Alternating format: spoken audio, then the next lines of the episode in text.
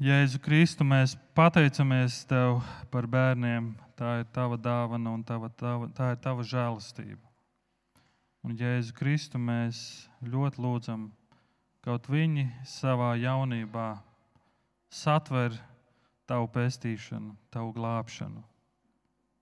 Ka viņi satver, kas Tu esi un kāpēc Tu esi viņiem vajadzīgs. Un ka viņi šo glābšanu tik dārgi novērtē ka viņiem tā ir tik dārga, ka viņi to īpaši patur un viņi uzmanīgi klausās tavos vārdos. Jēzus Kristu, mēs, mēs saprotam, ka mēs neko tur nespējam darīt. Mēs saprotam savu uzdevumu un palīdz mums būt uzticamiem tajā, bet mēs ļoti lūdzam Tavu žēlstību par mūsu bērniem. Svētī viņus šodien, šajā dienā un svētī arī skolotājus. Un svētī mūs, kad mēs klausīsimies Tavu vārdu. Āmen. Bērni, lai jums forša nodarbība, skolotāji arī jums lai ir labs laiks ar bērniem. Bet jūs drīkstat apsēsties, lūdzu, sēdieties. Un, un, uh, es gribu sveikt jūs Vīlāns draugā, un es uh, gribu sveikt jūs šajā pareizajā piekdienā. Es gribu sveikt tevi pareizajā piekdienā. Tu esi piekdienām dzirdējis ļoti daudzas versijas, kā šīs piekdienas sauc. Kādas tu esi dzirdējis? Lielā piekdiena, tad amerikāņiem ir labā piekdiena. Es šodien gribu mazliet jūs izaicināt un domāt par pareizo piekdienu. Pareiza nevis tāpēc, ka mēs tagad esam izkalkulējuši, kurā tad precīzi dienā šis lielās piekdienas notikums ir noticis, bet pareizi tāpēc, ka Dieva plāns ir perfekti pareizi izpildīts. Dieva plāns ir perfekti pareizi izpildīts. Mēs šodien lasījām no 22. psalma. Mācītājs Girts lasīja, un mēs tur lasām vārdus, Mans Dievs, mans Dievs, kāpēc tu esi mani pametis? Nedod man glābiņu vaimanas. Mans Dievs, es saucu dienā, bet tu neatbildi, un naktī, bet man nav miera. Man nav miera. Šodien mēs domāsim par 22. psalmu, un es vēlos, ka tu atver un seko līdzi šim, šim psalmam. Un, Bet pirms mēs dodamies mūsu pārdomās par pareizo piekdienu, es eh, gribu te uzdot jautājumu. Tad psalmi ir ebreju dziesmu grāmata, tās ir ebreju dziesmas. Un, eh, ja tev šodien par savu dzīvi, par savu situāciju, par savu sezonu, kur tu atrodies, vajadzētu uzrakstīt psalmu, vajadzētu uzrakstīt dziesmu, kas tā būtu par dziesmu? Kā viņi skanētu. Ar kādiem vārdiem tu sāktu? Tas būtu jautājums, vai tas būtu slavas un pateicības vārdi. Tavā dzīves sezonā šodien, kā, būtu, kāds būtu tavs psalms? Un tad, kad mēs iesim cauri kādām pārdomām, es gribu, lai tu domā par šo jautājumu, kāds ir manas šīs sezonas psalms. Un tāpēc es aicinu, lūdzu, neizslēgt savu telefonu. Jā, tu pareizi dzirdēji, neizslēdz. Tāpēc, ka pašā beigās, svētdienas beigās, es gribu dot kādu uzdevumu. Un, eh, un domāt par šo jautājumu, ja tev vajadzētu uzrakstīt par savu dzīves sezonu šodien psalmu, kāds tas būtu? 1979. gads. 11. decembrī māte Terēze devās uz Oslo. Viņa ģērbusies savā zīmīgajā apģērbā ar zilām apmalēm un sandalēs, neskatoties uz zemo temperatūru. Viņa saņēma šo vislielāko pasaules atzinību, Nobela miera prēmiju. Un savā pieņemšanas lekcijā Terēze, kuras žēlsirdības misija ir Kalkutā bija izaugusi no vienas sievietes naivuma par globālu pašaizliedzības aprūpes bāku, sniedza tādu vēstījumu, kāda pasaule no viņas bija gaidījusi. Un viņas vēstījums bija šāds: Nepietiek ar to, ka mēs sakām, es mīlu Dievu, bet es nemīlu savu tuvāko. Viņa teica, jo mirstot pie krusta, Dievs bija padarījis sevi par izsalkušo, kailu un bezpajumtnieku. Viņa teica, ka Jēzus izsaukums ir tas, kas jums un man ir jāatrod un jānomierina. Viņa nosodīja abortus un pievērsa uzmanību par jauniešu, jauniešu atkarībām no narkotikām. Un visbeidzot, viņa ierosināja, ka gaidāmajos Ziemassvētku brīvdienās pasaulē vajadzētu atgādināt, ka prieks ir patiess, jo Kristus ir visur. Kristus mūsu sirdīs, Kristus nabagos, kurus satiekam, Kristus smaidā, ko mēs dāvājam, un smaidā, ko mēs saņemam. Cik spēcīgs vēstījums, vai ne? Tomēr nepilnus trīs mēnešus iepriekš vēstulē mācītājam Maiklam Vanderpītam viņa rakstīja, ar nogurušu atpazīstamību par citu Kristu, kurš nav klāt. Un viņa raksta šim mācītājam, Jēzus ļoti īpaši mīl tevi. Viņa apliecināja šim mācītājam, bet man klusums un tukšums ir tik liels, ka es skatos un neredzu, klausos un nedzirdu. Mēle kustas lūkšanā, bet nerunā. Tie, kas esat dzirdējuši par māti Terēzi, un mēs zinām, cik spilgta, spilgta kalpotāja viņa bija, cik atpazīstama viņa bija ar savu pašaizliedzīgo kalpošanu. Un tomēr viņas dzīvē ir periods, kad viņa saka, klusums ir tik liels.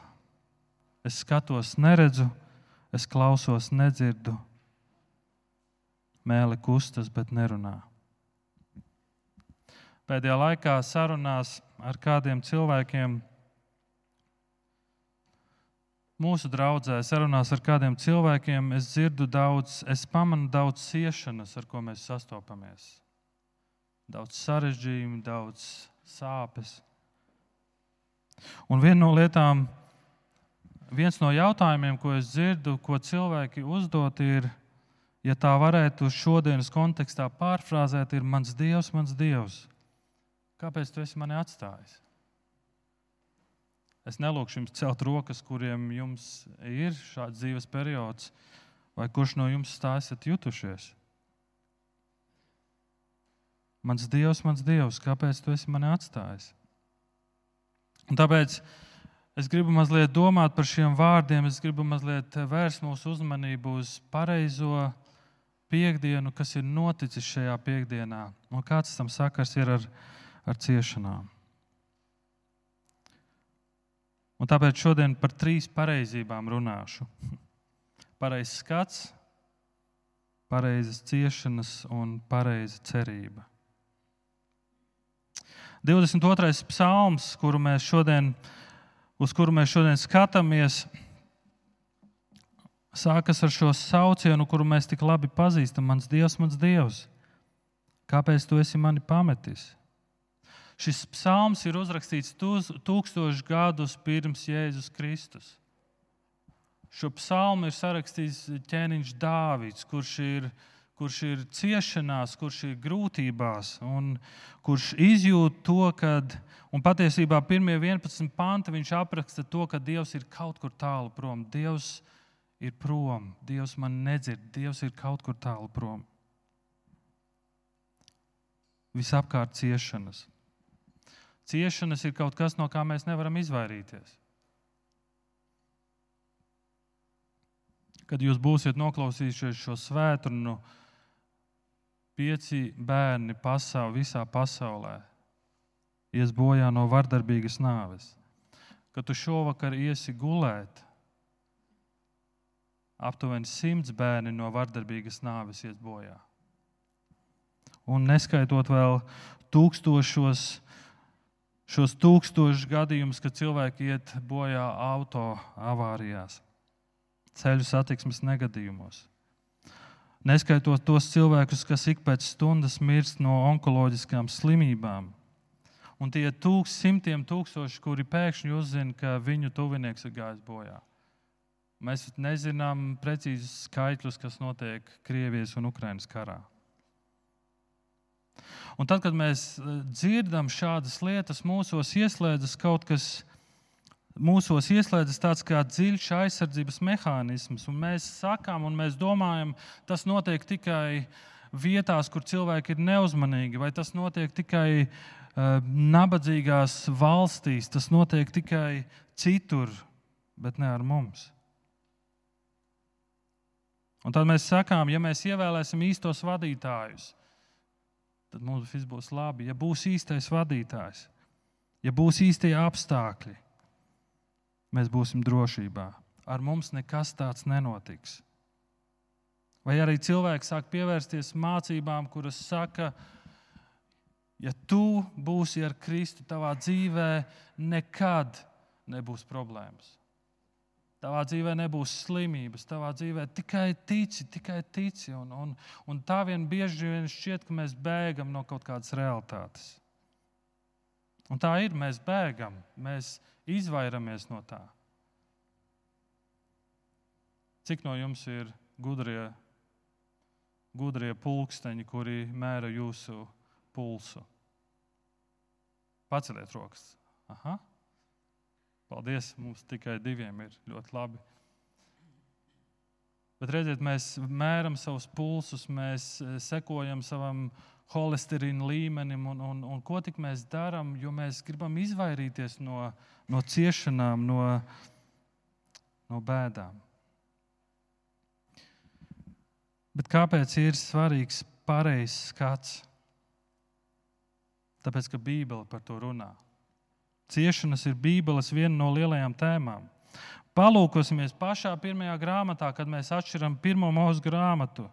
Tā sākas ar to, ka pasaulē ienāk grēks un nāve, ciešanas.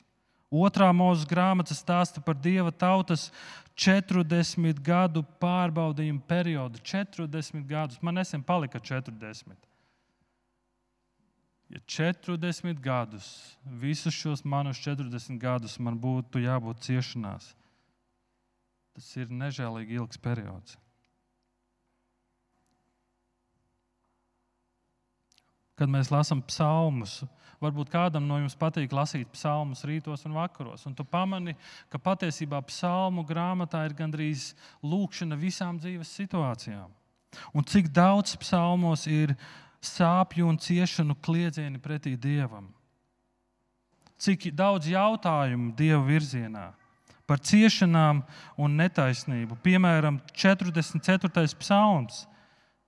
Tevis dēļ mūs galē bez mitas, un kā avis kaušanai lemj. Mosties taču, kādēļ tu guli, kungs? Mosties neatmet mūsu uz mūžu.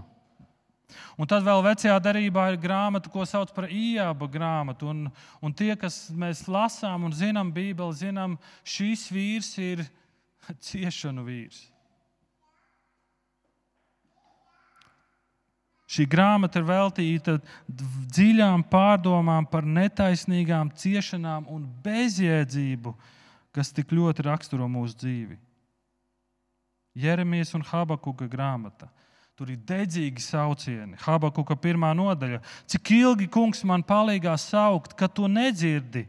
Es kliedzu tev, varmācība, bet tu neglābi. Kādēļ? Kādēļ? Un tad ir visi šie jautājumi, kādēļ? Kādēļ? Tur redzi Bībeles skatījums uz ciešanām. Bībele ir pārpildīta ar ciešanu tēmu. Un tad ir jaunā derība. Vēstule ebrejiem un 1. pētera vēstule liela daļa tiek veltīta, lai palīdzētu cilvēkiem, kuri iet cauri ciešanām un grūtiem brīžiem. 1. pētera 4.12. Mīļie, nebrīnieties par bēdu karstumu jūsu vidū, kas nāk jums par pārbaudījumu, it kā jums notiktu kaut kas neparasts. Un ziniet, ko Jēzus saka Jāņa 16. Pasaulē jums būs bēdas pasaulē jums būs bēdas. Lūk, Bībeles skats uz ciešanām. Bībeles skats uz cilvēka dzīvi, uz cilvēka realitāti. Un, protams, mēs varētu jautāt, kāpēc? Kāpēc Dievs nevarēja radīt pasauli, kas ir bez ciešanām? Bet, ap citu, Dievs tādu ir radījis. Pašā iesākumā Dievs tādu radīja. Bet kāpēc visas šīs lietas, kas ir iemesli ciešanām? Un iemesli var būt dažādi, un arī Bībele dod atbildes uz šiem jautājumiem. Un viens no iemesliem ir sots. Sots kā ciešanas. Patiesībā tas ir viens no biežākajiem iemesliem, kad cilvēks sastopas ar ciešanām, kad, cilvē, kad citi apkārtēji sāk komentēt un saka, tas tāpēc, ka Dievs tevi soda. Tas tāpēc, ka Dievs tevi soda, tas tāpēc, ka tu esi grēkojis. Un tas var būt iemesls. Tā var būt realitāte, ka sots ir tavā dzīvēm Ciešanas ir tavā dzīvē, tāpēc, ka Dievs tevi soda. Mihas grāmatā mēs lasām, tad arī es satriecu tevi ar slimību, iztukšoju par taviem grēkiem. Reizēm tas ir smags sots, reizēm tas ir vieglāks, kā pārmācība, lai mūs brīdinātu un lai mūs vestu atpakaļ pie Dieva. Sodīdams, tas kungs mūs grib pārmācīt, lai ar pasauli netie, netopam tiesāti. Man patīk, kā Sijas Lūsis, Klaus Steipls Lūsis saka, ka ciešanas ir kā megafons pasaulē, kura neklausās. Kāpēc ciešanas? Tāpēc, ka tas var būt sots, bet nevienmēr tas ir vienīgais iemesls. Ciešanas mūsu dzīvēm var būt kā pārbaudījums, pārbaudīt mūsu mūsu attiecības. Tad, kad tu skaties uz draugu attiecībām, bieži vien tur ir pārbaudījumi.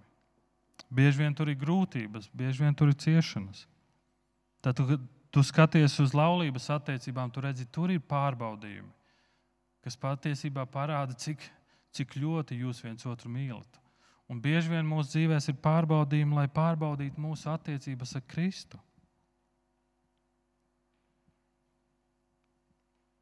Un vēl trešais iemesls, ko es gribu minēt, kāpēc, kāpēc ciešanas ir mūsu dzīvē.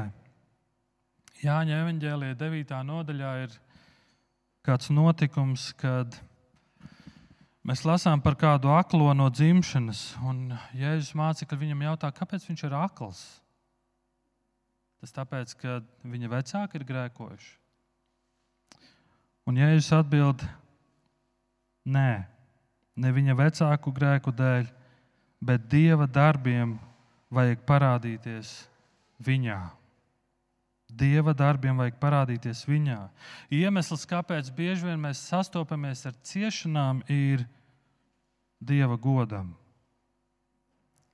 Lai Dieva darbi izpaustos viņā.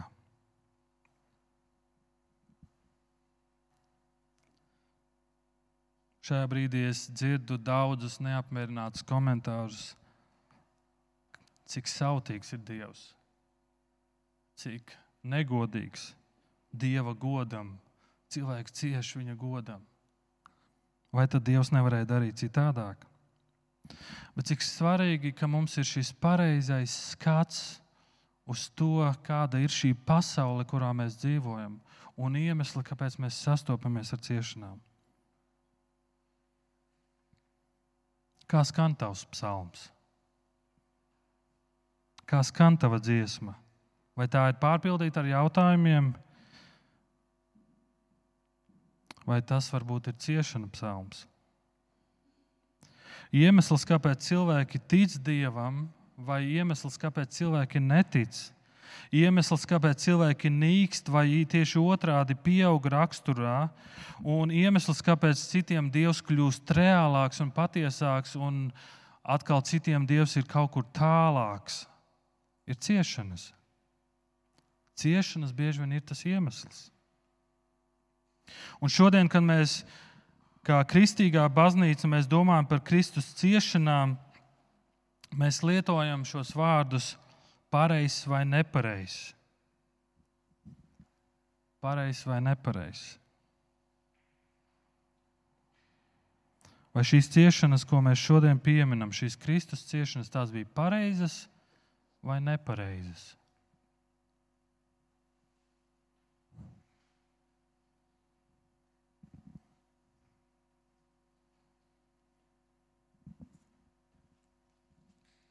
Mateja evanģēlijā, 27. nodaļā, mēs lasām šādus vārdus. Kad Jēzus mira pie krusta,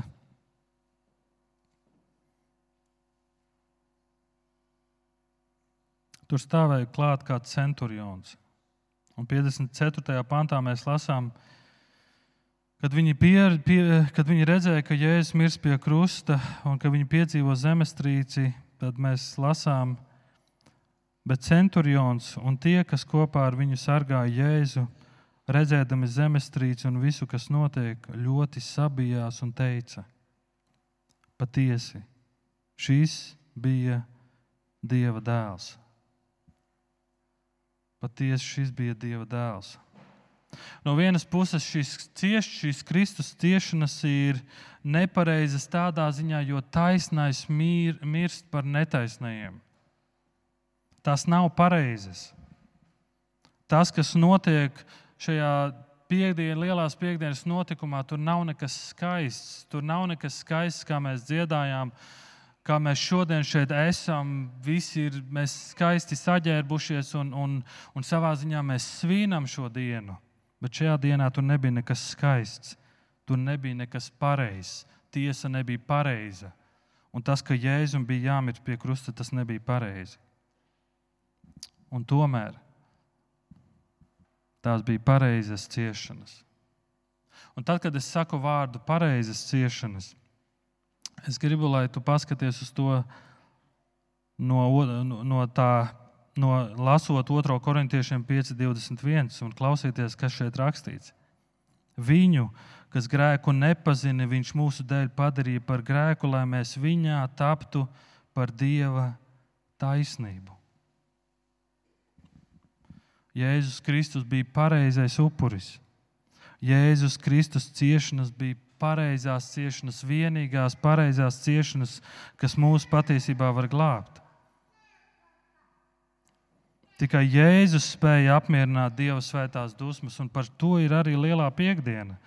Kad Jēzus upuris ir pareizais upuris un tās ir pareizas ciešanas. Un tad, kad mēs lasām 22. psalmu, mēs lasām par to, ka Dāvids runā par ciešanām, ar kādām viņš sastopas no 12. panta. Viņš saka, neatstāj mani, briesmas ir tuvu un palīga nav. Un tad viņš runā par buļļiem, kas viņu apņem. Tad viņš runā par lauvām, un tad viņš runā par, par to, ka viņš ir kā izžuvis māls. Tad viņš runā par suņiem, kas viņu ir aplenkuši, ļaundaru bars. Cik tēlaini Dārvids runā, patiesībā šie visi tēli ir cilvēki, kas nodara viņam ļaunumu.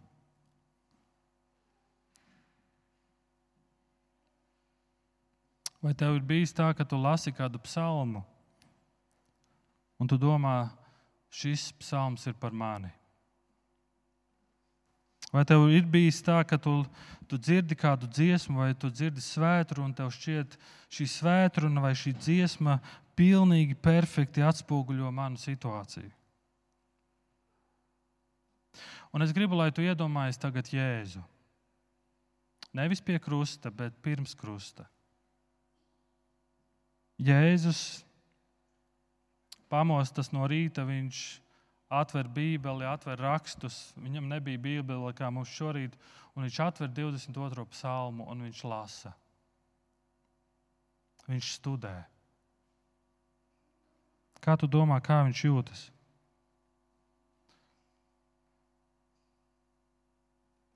Labi, viens ir kā viņš jūtas, bet viņš noteikti zina, ka šis psalms ir precīzi par mani. Tas ir mans psalms.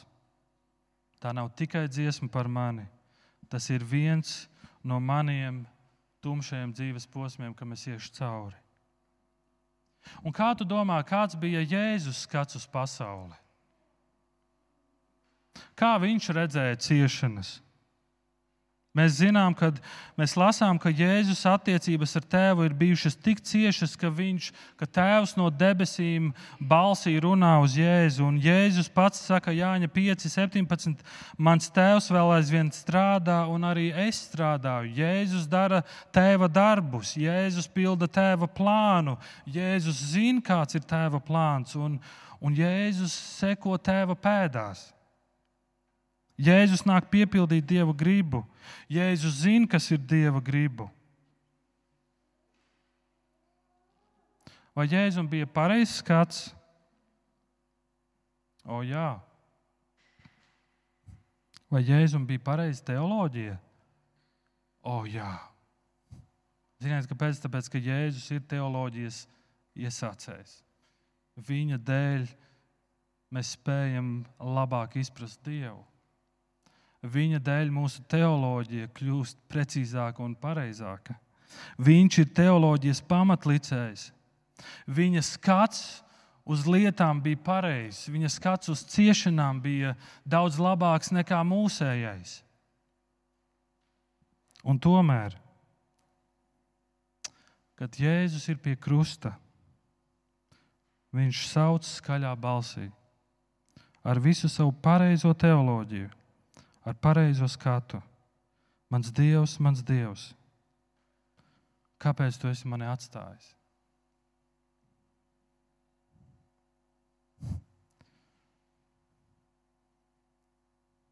Mans Dievs, mans Dievs, kāpēc tu esi mani atstājis? Jūs zināt, kāpēc Jēzus to izkliedz? Tāpēc, ka šīs ciešanas ir īstas. Tās ir grūti panesamas. Un Jēzus kliedz tāpēc, ka Dievs patiešām viņu ir atstājis. Jēzus to redzēja, gan to piedzīvoja gan ārēji, gan arī iekšēji. Viņš dziļi piedzīvoja šo situāciju, šo tumsu, kurā viņš atrodas. Pareizs skats, mīļie, palīdz mums iet cauri ciešanām. Pareizs skats uz pasauli, uz Dievu palīdz mūsu ticībai. Un tomēr ar visu pareizo skatu mūsu dzīvē būs situācijas, kad mēs klieksim un teiksim, mans Dievs, kur tu esi? Kāpēc tu esi mani atstājis? Kāpēc es nejūtu, kāpēc tu neatbildi uz manām lūgšanām? Tu vari Dievam kalpot ar visu savu sirdi un darīt pareizas lietas, un tomēr Bībele saka, ka tu piedzīvosi savā dzīvē tumsas periodus tu piedzīvosi, tavā dzīvē būs šie tumsas periodi, un šie tumsas periodi var ieilgt. Tie var būt pat gari periodi. Un bieži vien, kad mēs sastopamies ar šiem tumsas periodiem, ziniet, kas notiek? 8. un 9. Psalms, eh, pants 22. psalmā. Visi, kas redz mani mēdās, tie šķoba lūpas un krata galvu, meties pie kunga. Meties pie kunga. Tev ir bijis tā, ka tu ej cauri ciešanām, un cilvēki nāk pie tevis un met tev ar komentāriem, pat neprasot, vai tev to vajag vai nē dot tev savus viedokļus, saka, tas tev tāpēc, ka tu pārāk maz lūdz Dievu. Tas tev tāpēc, ka tu grēkā dzīvo, tas tev tāpēc, ka tev nav ticība, tas tev tāpēc, ka cilvēki sāk mētāties. Mēs paši šeit, Vīlandē, tā esam darījuši. Mēs izsakām tik ātri komentārus, un šī cilvēka ciešanas nepaliek vieglākas. Un Jēzus piedzīvo to pašu. Viņš karājas krustā. Un viņam saka vārdus, citus viņš glāba, bet pats sevi nevar izglābt. Ja viņš ir Izraēla ķēniņš, lai nokāptu tagad zemē no krusta, un mēs viņam ticēsim, Jēzus sastapās ar to ciešanas pilnā apmērā.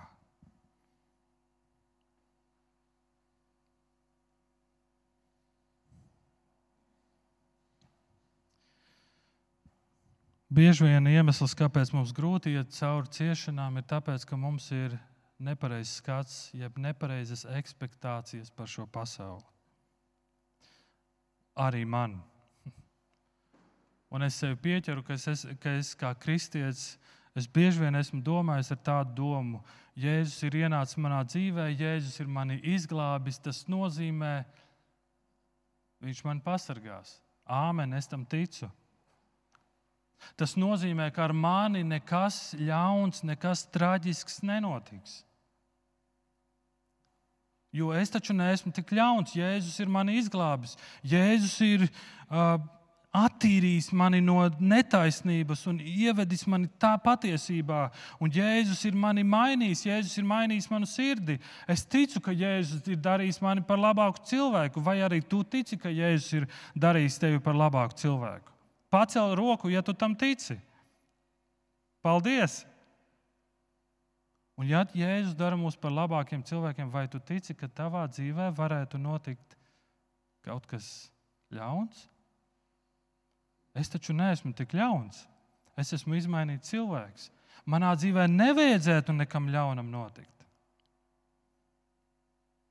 Tā avārija, kas bija pagājušā nedēļā, kur cilvēks uz vietas beigts, viņš noteikti nebija tik labs kā es. Viņš noteikti nebija tik uzmanīgs kā es. Viņš noteikti, un es varētu teikt, daudzus iemeslus. Bet tad pienāk lielā piekdiena. Un es lasu par kādu citu personu, kas bija daudz nesalīdzināmi, daudz vairāk, daudz labāka persona nekā es. Un tad es lasu 22. psalmu, un es nesaprotu, kā ar tik labu cilvēku spēja notikt tik liela traģēdija.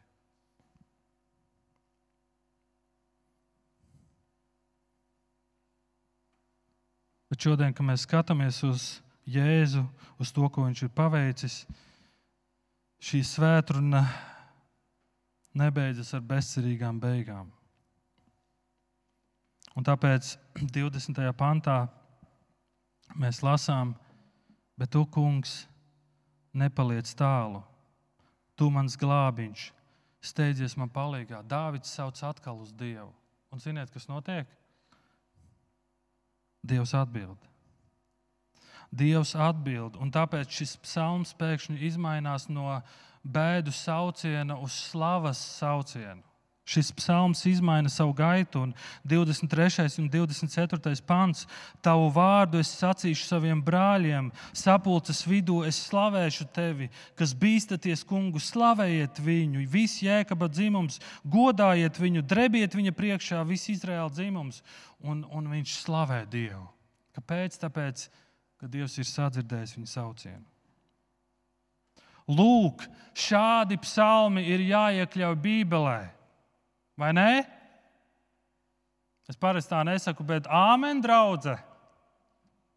Jā, āmen, jā. Šādi psalmi ir jāiekļauj Bībelē. Un, ja man būtu teikšana, kurus psalmus iekļaut psalmu grāmatā un kurus nē, tad šo noteikti es teiktu, iekļaujam. Bet tad mēs lasām vēl vienu psalmu, kurš ir 88. psalms. Un tas ir atkal sauciens Dievs, kāpēc tu nenāc palīgā? Un ziniet, kā šis psalms beidzas? Tu man atņem biedrus un draugus, tikai tumsa paliek man uzticīga. 88. psalms beidzas uz depresīvas nots. Man nav neviena drauga, tikai tumsa ir mans draugs. Un tad es teiktu, šādus psalmus Bībelē neiekļaujam. Ja es tā rīkotos, tad daudzi domātu, ka es kaut ko cilvēkam cenšos pārdot. Es cenšos tev kaut ko pārdot.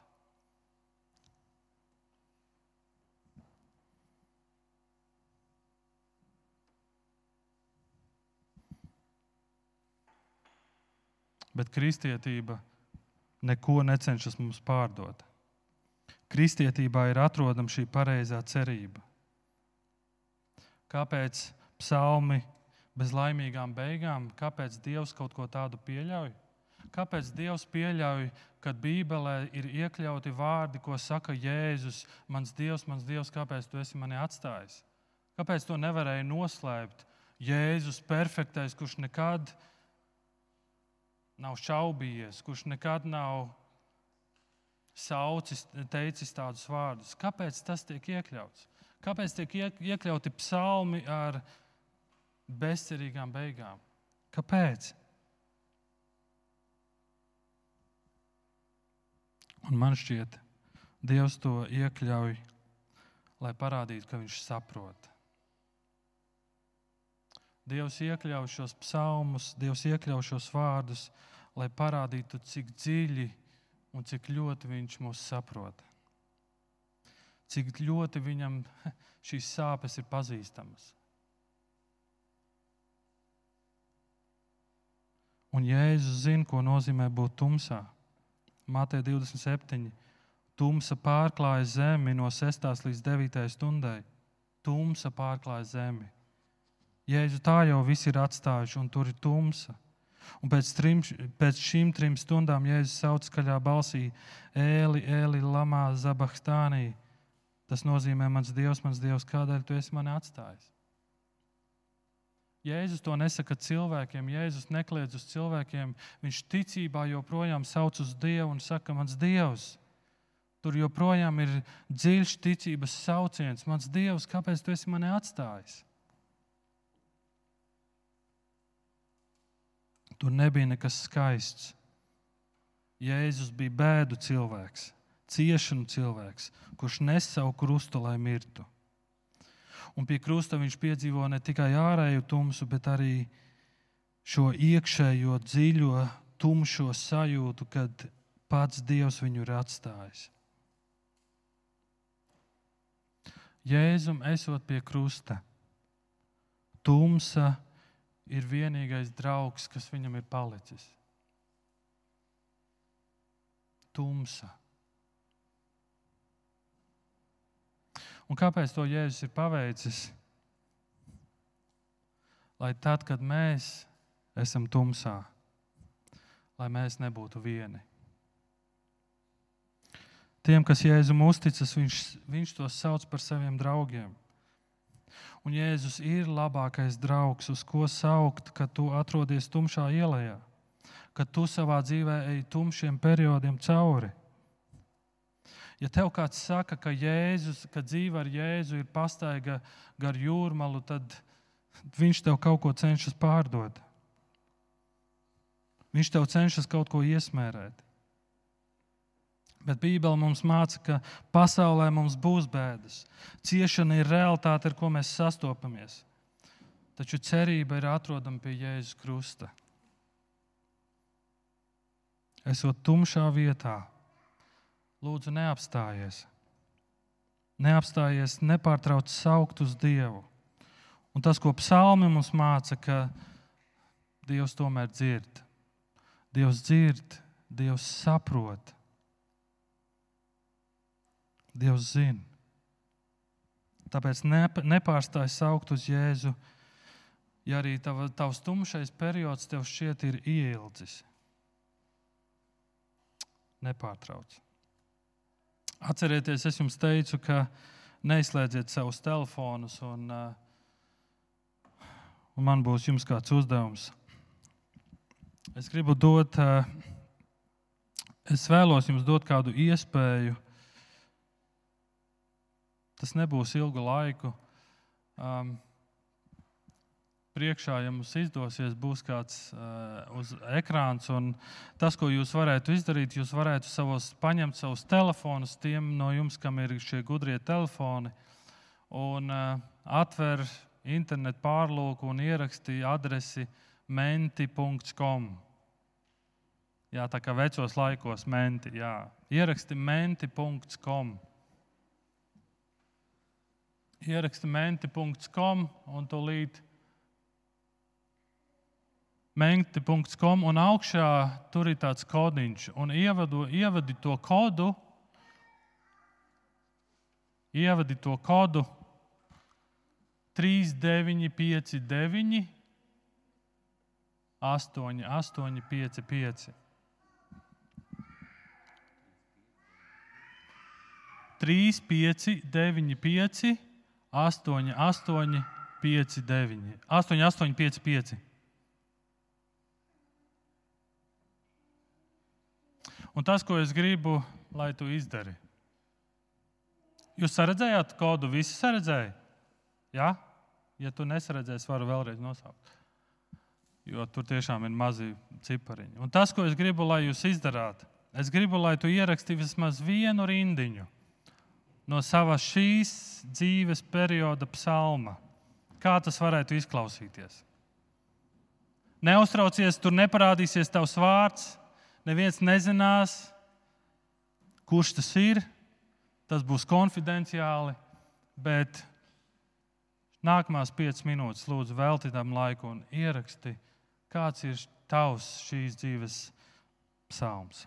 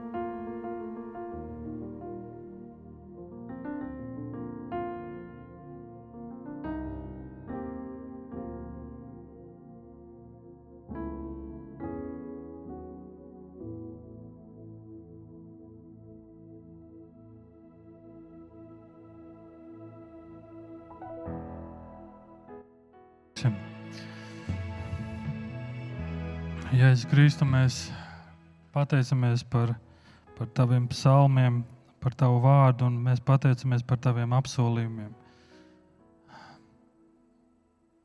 Jēzus, tu redzi šos mūsu psalmus, mūsu dzīves psalmus, kur mēs atrodamies un ko mēs saucam uz tevi. Paldies, Jēzus, ka tu zini, ka tu pazīsti mūs līdz sirds dziļumiem. Tu redzi mūsu šaubas, tu redzi mūsu jautājumus, tu redzi mūsu saucienus. Es ļoti lūdzu, piedod mūsu grēkus. Ja tur ir grēks, ar ko mēs cīnāmies un netiekam vaļā, es ļoti lūdzu, palīdzi mums.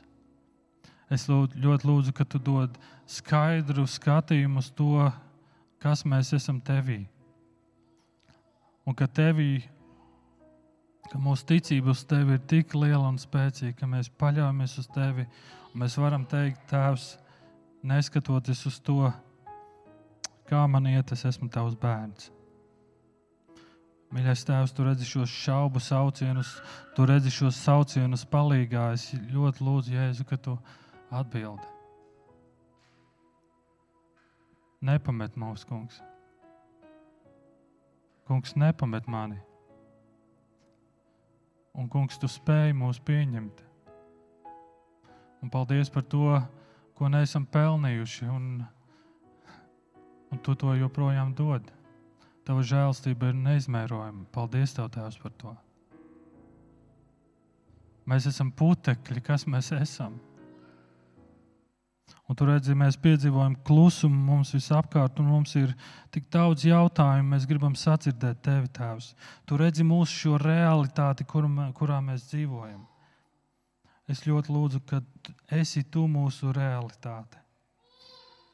Esi tu mūsu realitāte, mūsu dzīvē, uz kuru mēs saucam, uz kuru mēs vēršam savu skatienu, uz kuru mēs ceram un kuru mēs piedzīvojam savā dzīvē ar vien vairāk. Jēzus, ļoti lūdzu, lai tu neesi tikai mūsu prātam, mūsu intelektam, tu esi mūsu sirdī, mūsu miesai, mūsu vārdiem, mūsu dzīvē, mūsu ikdienai. Mēs saucam uz tevi. Paldies, ka tu dzirdi. Palīdz, ka šie visi saucieni tiek saukti uz tevi ticībā. Tāpat kā tu, Jēzus, sauci, mans Dievs, mans Dievs, joprojām tas ir ticības sauciens. Tas ir sauciens, kurš ir tik piepildīts ar tavu vārdu.